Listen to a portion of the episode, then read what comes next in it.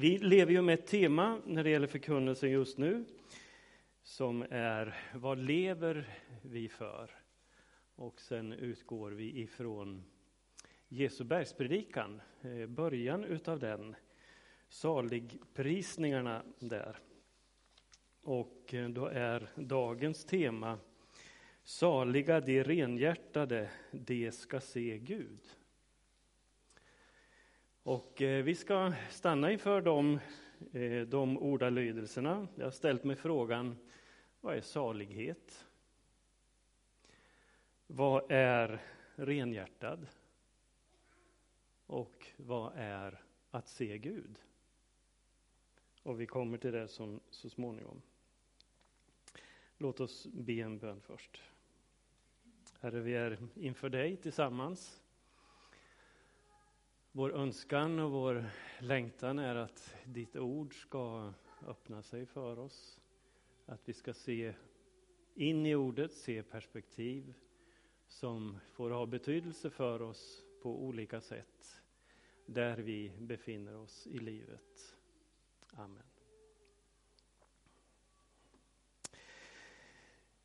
När jag började och förbereda mig för Eh, den här söndagen för ganska länge sedan, jag har ju vetat om ett tag att jag skulle eh, dela ordet med er idag, så läste jag gång på gång den här bibeltexten. Och så började jag titta på vad finns runt omkring eh, det här sammanhanget. Hur ser bergspredikan som helhet ut? Inte bara titta på saligprisningarna, för i första anblicken kan man tycka att de står alldeles för sig själv. Och sen kommer resten utav bergspredikan. Och upptäckte då hur spännande det var att titta på det som stod precis före och det som står precis efter bergspredikan. Så i slutet utav det fjärde kapitlet hos Matteus så står det om Jesus så här. Han vandrade omkring i hela Galileen och undervisade i synagogorna, förkunnade budskapet om riket och botade alla slags sjukdomar och krämpor bland folket. Ryktet om honom spred sig i hela Syrien och man förde till honom alla som led av olika sjukdomar och plågor, besatta, fallande sjuka och förlamade, och han botade dem. Och stora skaror följde honom, folk från Galileen och från Dekapolis, från Jerusalem, Judeen och från andra sidan Jordan. Alltså Jesus har döpts, han har prövats av djävulen, han har börjat förkunna Guds rike, han har kallat de tolv lärjungarna och sen uppehåller han sig i Galileen. Och jag tänker, vilken rörelse det måste ha uppstått omkring Jesus. Alltså hans förkunnelse, hans under, alltså människor kom till honom och man hjälpte varandra till Jesus. Och när man ser, eh, han botade alla slags sjukdomar. Det är klart att det uppstod en oerhörd rörelse. Det här geografiska området som beskrivs här, det handlar om någonstans i storleksordningen 20 gånger 30 mil. Så att det är ett ganska stort landområde som redan här, jag tänker att det här hände kanske under Jesu första halvår som han var verksam. Och att det redan då har spridit sig omkring Jesus, vad han lärde, vad han gjorde, och man började ställa frågor omkring vem han var.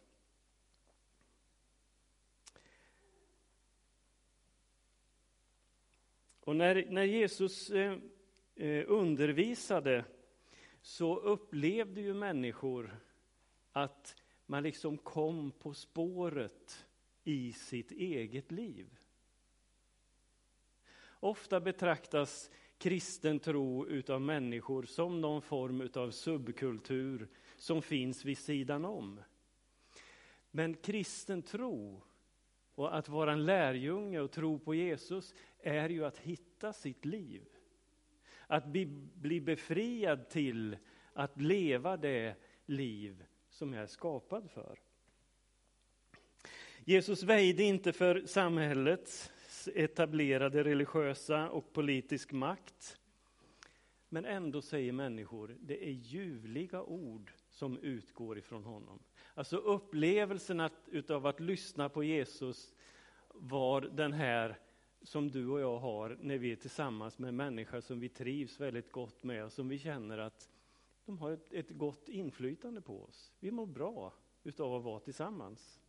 Det var upplevelsen utav Eh, att eh, vara med Jesus. Så därför står det att stora skaror följde honom.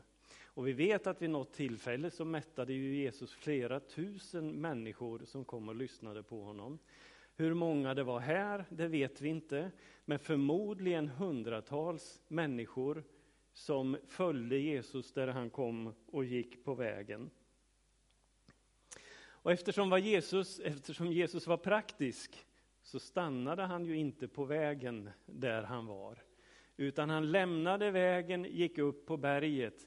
För det är klart att samhället och livet pågick. Det var inte så hård biltrafik, det var det inte. Men säkert en hel del åsnor och många kom gående och dragande på, på kärror och så vidare. Jesus var praktisk, han gick upp på berget och satte sig där. Och det står att han, eh, han, han satte sig ner och hans lärjungar eh, kom fram till honom. Men folket var ju också med. Och det här är en bit som jag också vill att du ska se. Att när Jesus sätter sig ner och undervisar lärjungarna så lyssnade flera hundratals människor runt omkring. För när vi sen går in i första versen efter den så kallade bergspredikan så står det att när Jesus gick ner från berget så följde stora skaror honom. Det innebar att när Jesus höll sin predikan, han undervisade lärjungarna, så lyssnade väldigt många människor. Och då kan man ju fundera på utifrån vad vi tänker om pedagogik. Jag är ingen pedagog, jag är inte utbildad jag är bara självbildad. Eh, varför gjorde inte Jesus så att han redan då började använda sig utav rummet, salen som man sen firade påskmåltiden i med lärjungarna och som sen blev den samlingsplats som lärjungarna hade efter Jesu himmelsfärd? Hade det inte varit bättre att tagit med de tolv dit och sitta i lugn och ro och undervisa dem?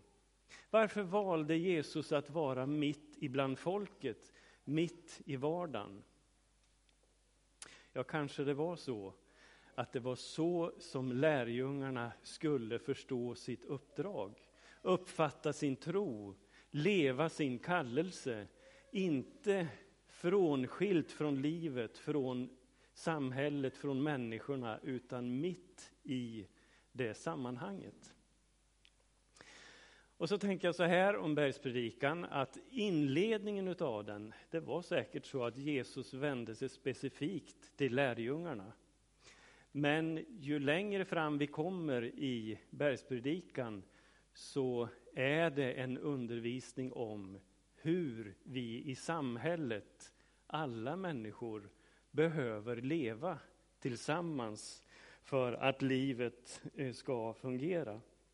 Därför att den undervisning som Jesus ger lärjungarna är ju hållbar också för samhället, för hela världen, för skapelsen och allt det som är.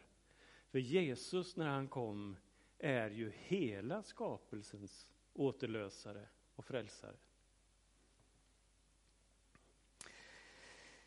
Så därför tänker jag att han, han valde att undervisa mitt ibland folket. Och jag tror generellt är det så här att etik och moral och längtan, det är inte det som skiljer oss som kristna ifrån människor som inte har en kristen bekännelse, utan det är just vår relation till Jesus. Jag möter i många olika sammanhang människor som jag ser upp till. Därför jag tycker att de kan ha en, en hållning i livet som jag själv inte alltid mäktar med. Så det är inte frågorna omkring etik, moral, längtan som skiljer mig i första hand med andra, utan det är min tro på Jesus.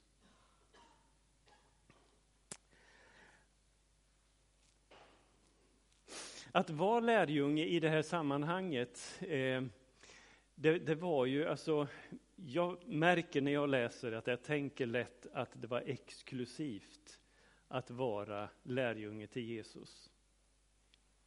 Men när jag läser det här sammanhanget och tänker så här, så ser jag också att det här innebar en utsatthet för lärjungarna. Eftersom Jesus utmanade det som fanns runt omkring. Och när vi läser eh, bergspredikan så är det ju så här att där ibland allt det här folket, där fanns ju naturligtvis också de skriftlärde. Där fanns fariseerna. Där fanns alla de här som Jesus konfronterade med. Så när Jesus undervisar så är det ju där en utmaning gentemot dem. Han eh, säger ett flertal gånger under bergspredikan, ni har hört att det blev sagt, men jag säger er. Och det tänker jag blev också för lärjungarna så att säga, en live-träning utav att börja stå för det som Jesus gav till dem. Så länge Jesus inte var utmanande så gick det ju bra. Men när han utmanade, då tog det ju eld emellanåt. Och det tog eld så pass att man till slut bestämde sig för att döda Jesus. Och varför gjorde man det? Jo, därför att det landade i en sån personlig utmaning. Därför att man, eh, fariseerna, de byggde ju sitt liv inte bara på sin religiösa tro, utan på sin position i samhället. Man knöt sin identitet till sin roll som skriftlärd. Och när den utmanades så var det ju inte bara läran som utmanades, utan man utmanades själv. Och det är ofta det som drabbar mig själv som jag går igång på.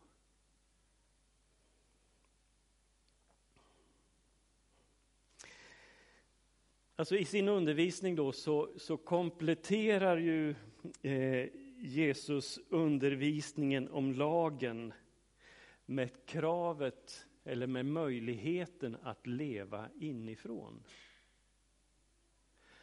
Även om eh, alltså Jesus avskaffar ju inte lagen utan han kompletterar den. Han säger till och med att han skärper lagen.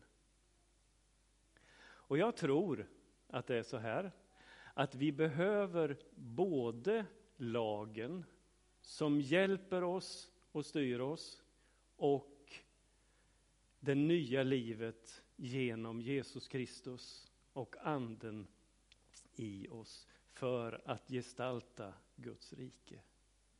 Det handlar både om förstånd och vårt ansvar och andens nya liv som skapas inom oss. För skulle det bara bero på andens liv, att anden ska göra sitt verk i oss, då skulle vi inte längre ha något ansvar. Men det är inte Bibelns budskap. Bibelns budskap är att vi har ansvar, men att vi uppfyller lagen genom att låta andens nya liv finnas inom oss. Att driva utveckling, eh, det handlar både om att ställa krav och ge stöd.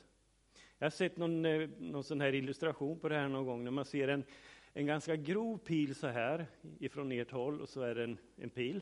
Då ser ni det framför er. Över den här pilen så står det krav och så pekar det småpilar ner i snett i den riktningen. Under den stora pilen står det stöd. Och så liksom det som driver utveckling är både krav och stöd. Jag menar, så, så gör vi ju med våra barn. Så gör vi med olika saker när vi driver utveckling. Vi måste tala om vad som gäller och samtidigt ge stöd. Och så funkar lagen och Andens nya liv. Lagen ställer krav, ger oss en bild av så här ska det fungera. Andens nya liv uppfyller lagens krav i våra liv.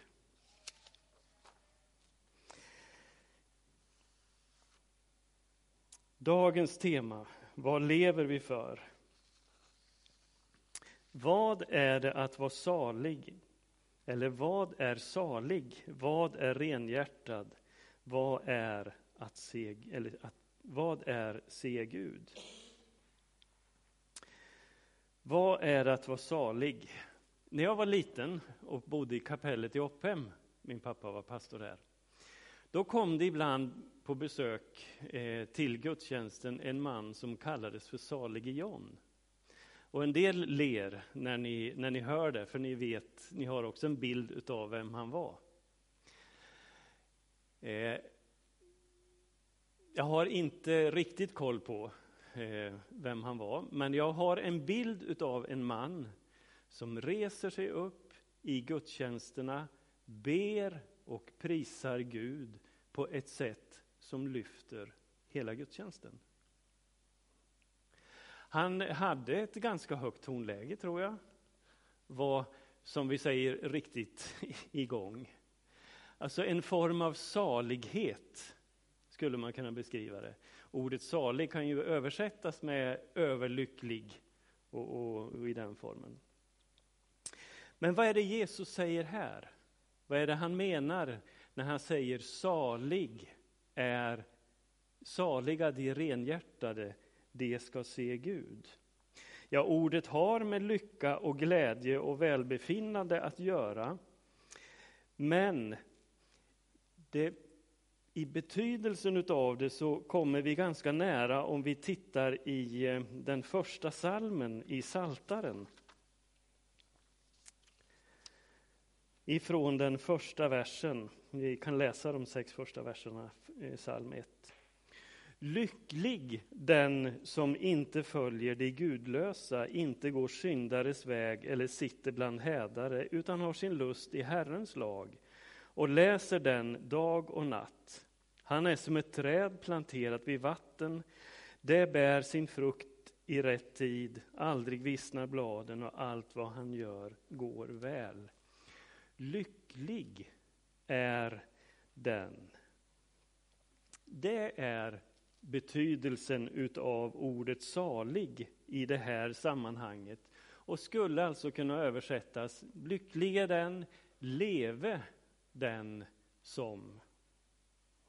Alltså leve det renhjärtade, det ska se Gud. Mer uttryck som en, en lyckönskan, ett eh, konstaterande.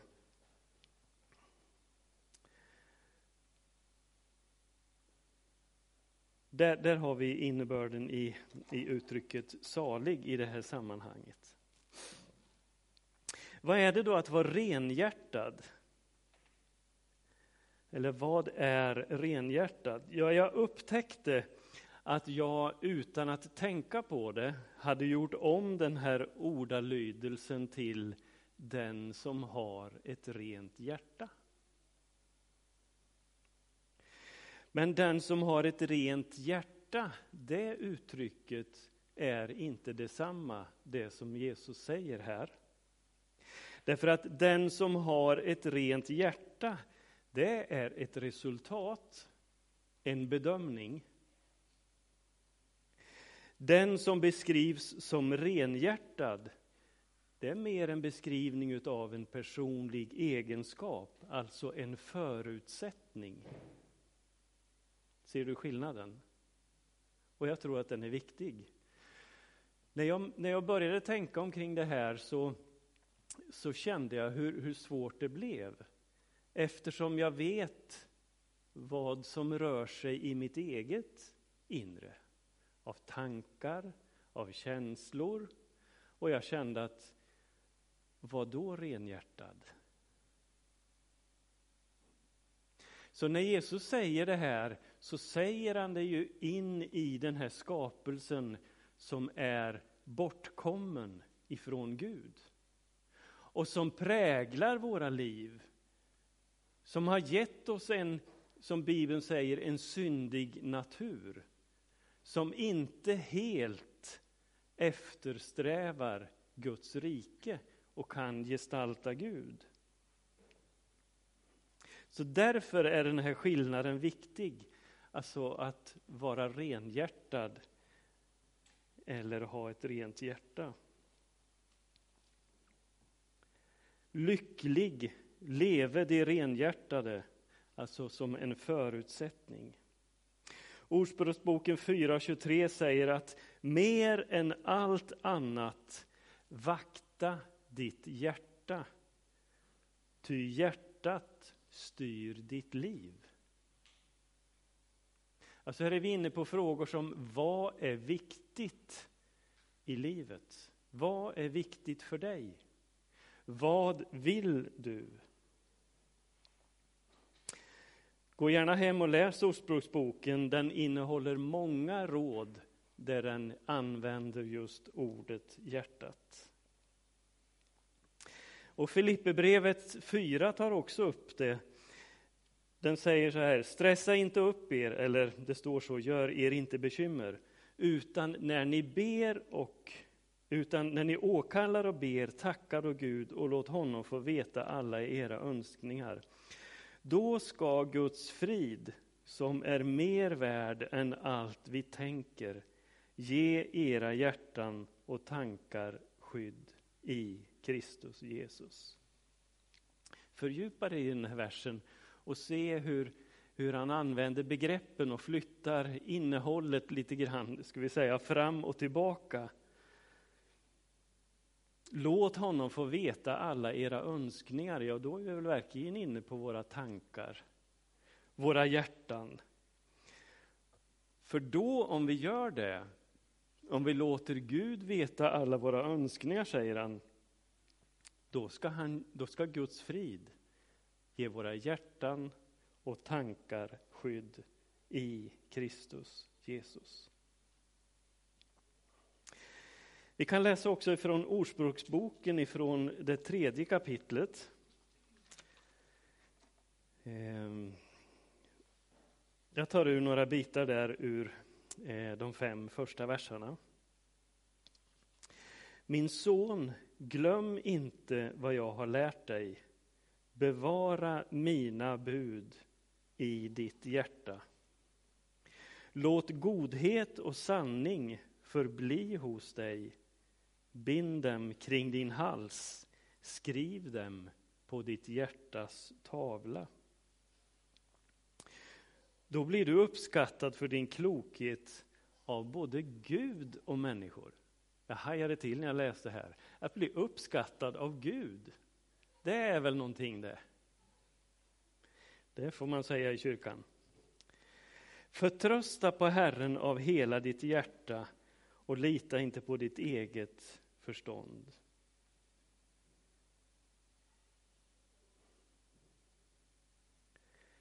Här talar Ordspråksboken om hjärtat.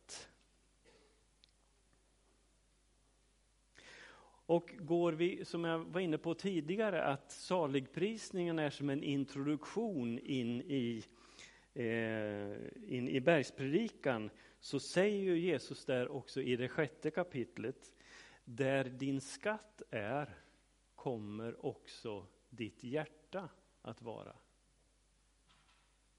Där din skatt är, kommer ditt hjärta att vara. Bibelns klara undervisning är att det spelar inte så stor roll hur mycket vi har att förvalta, utan vår relation till det vi har att förvalta. Mitt hjärta kan vara fäst vid det som är litet. Mitt hjärta kan vara fäst vid det som är stort. Men där din skatt är, där kommer också ditt hjärta att vara. Vad är att se Gud? Vad är det att se Gud? Saliga de renhjärtade, de ska se Gud. När jag på ett enkelt sätt försöker förklara vad det är att tro på Gud och tro på Jesus så använder jag ofta eh, bilden utav en relation. Jag brukar säga ungefär så här. Barbro och jag har varit gifta i snart 42 år. Vi träffades två år dessförinnan och har alltså haft en relation i snart 44 år. Vi har en relation inte bara när vi är i samma rum så att vi ser varandra. Vi har alltid en relation. Oavsett om vi är på olika håll i landet eller olika håll i världen. Och jag kan när jag vill, dygnet runt, tänka på henne, tänka på oss tillsammans. Jag kan plocka fram minnesbilder, tänka på hur hon ser ut, vad vi har gjort, vårt hem, våra barn. När jag vill, var jag vill. Vi har alltså en relation, inte bara när vi är tillsammans utan alltid. Och så säger jag, är det på ett liknande sätt med Gud. Jag har alltid en relation med Gud, för jag har mött honom. Jag har erfarenhet utav honom. Jag har lärt känna honom, inte fullt ut, och det har jag inte med Barbro heller. Jag vet inte vad hon tänker, även om jag känner hennes tankemönster. Jag kan veta hur hon i vissa situationer tänker och reagerar, men jag kan aldrig vara säker på det, för jag vet inte riktigt. För att jag är inte inne i hennes tanke. Men så är det också med Gud. Jag har mött honom, jag har erfarenhet av honom, jag kan längta efter honom, jag vet att han finns där. Barbro och jag har tre barn tillsammans. Jag vet hur det har gått till när vi har fått de barnen. Men jag kan inte förklara det. Så är det också med mitt liv tillsammans med Gud, med min relation till honom. Jag kan beskriva vad det är som gör att jag lever tillsammans med Gud. Vad som beror på honom och vad som beror på mig. Men jag kan inte riktigt förklara det. Därför en relation är någonting som ligger bortom ord bortom möjligheten att förklara. I den här texten, oj, nu ramlar klockan iväg, jag är alldeles strax färdig. I den här texten så är uttrycket att se Gud beskrivet som ett resultat. Saliga de renhjärtade, de ska se Gud. I Bibeln är också att se Gud. Uttrycket att se Gud, det är också en utgångspunkt. Och så säger Jesus också här i bergspredikan i eh, det sjätte kapitlet eh, ifrån vers 22. Kroppens lampa är ögat. Om ditt öga är ogrumlat får hela din kropp ljus. Men om ditt öga är fördärvat blir det mörkt i hela din kropp. Om nu ljuset inom dig är mörker, hur djupt blir då inte mörkret? Om det inre ögat inte ser, hur är det då? Lukas 24 och 31 är ett annat sånt sammanhang som lyfter fram just den här bilden det är när, när Jesus eh, efter sin uppståndelse går tillsammans med de här två lärjungarna på väg till Emmaus. Och eh, vi, ni som känner berättelsen vet att, att lärjungarna var bedrövade över det som hade hänt. Jesus slog följe med dem och gick och resonerade med dem. Och sen börjar Jesus ett bibelstudium där han går igenom Gamla testamentets eh, böcker och beskriver vad som är sagt om honom. Och så står det där, då öppnades deras ögon och de kände igen honom. Då såg de Jesus. Ja, rent fysiskt så hade de ju sett honom hela tiden sedan han slog följe med dem. Men de, han, de såg inte vem det var. Men då öppnades deras ögon. Alltså att se Gud, se Jesus som en förutsättning. Vad lever vi för? Vad är viktigt för dig i livet? Vad vill du se? Vad vill du med ditt liv? När du är 75 år och börjar på och eh, eh, kanske stappla dig fram. Vad vill du titta tillbaka på och se att ditt liv har innehållit? Vad är riktigt viktigt för dig i livet? Och då kanske vi ska komplettera frågan vad lever vi för med frågan hur lever vi vårt liv? Saliga de renhjärtade, de ska se Gud. Amen. Jesus, tack för ditt ord. Låt det få vägleda oss genom den helige Andes ljus. Amen.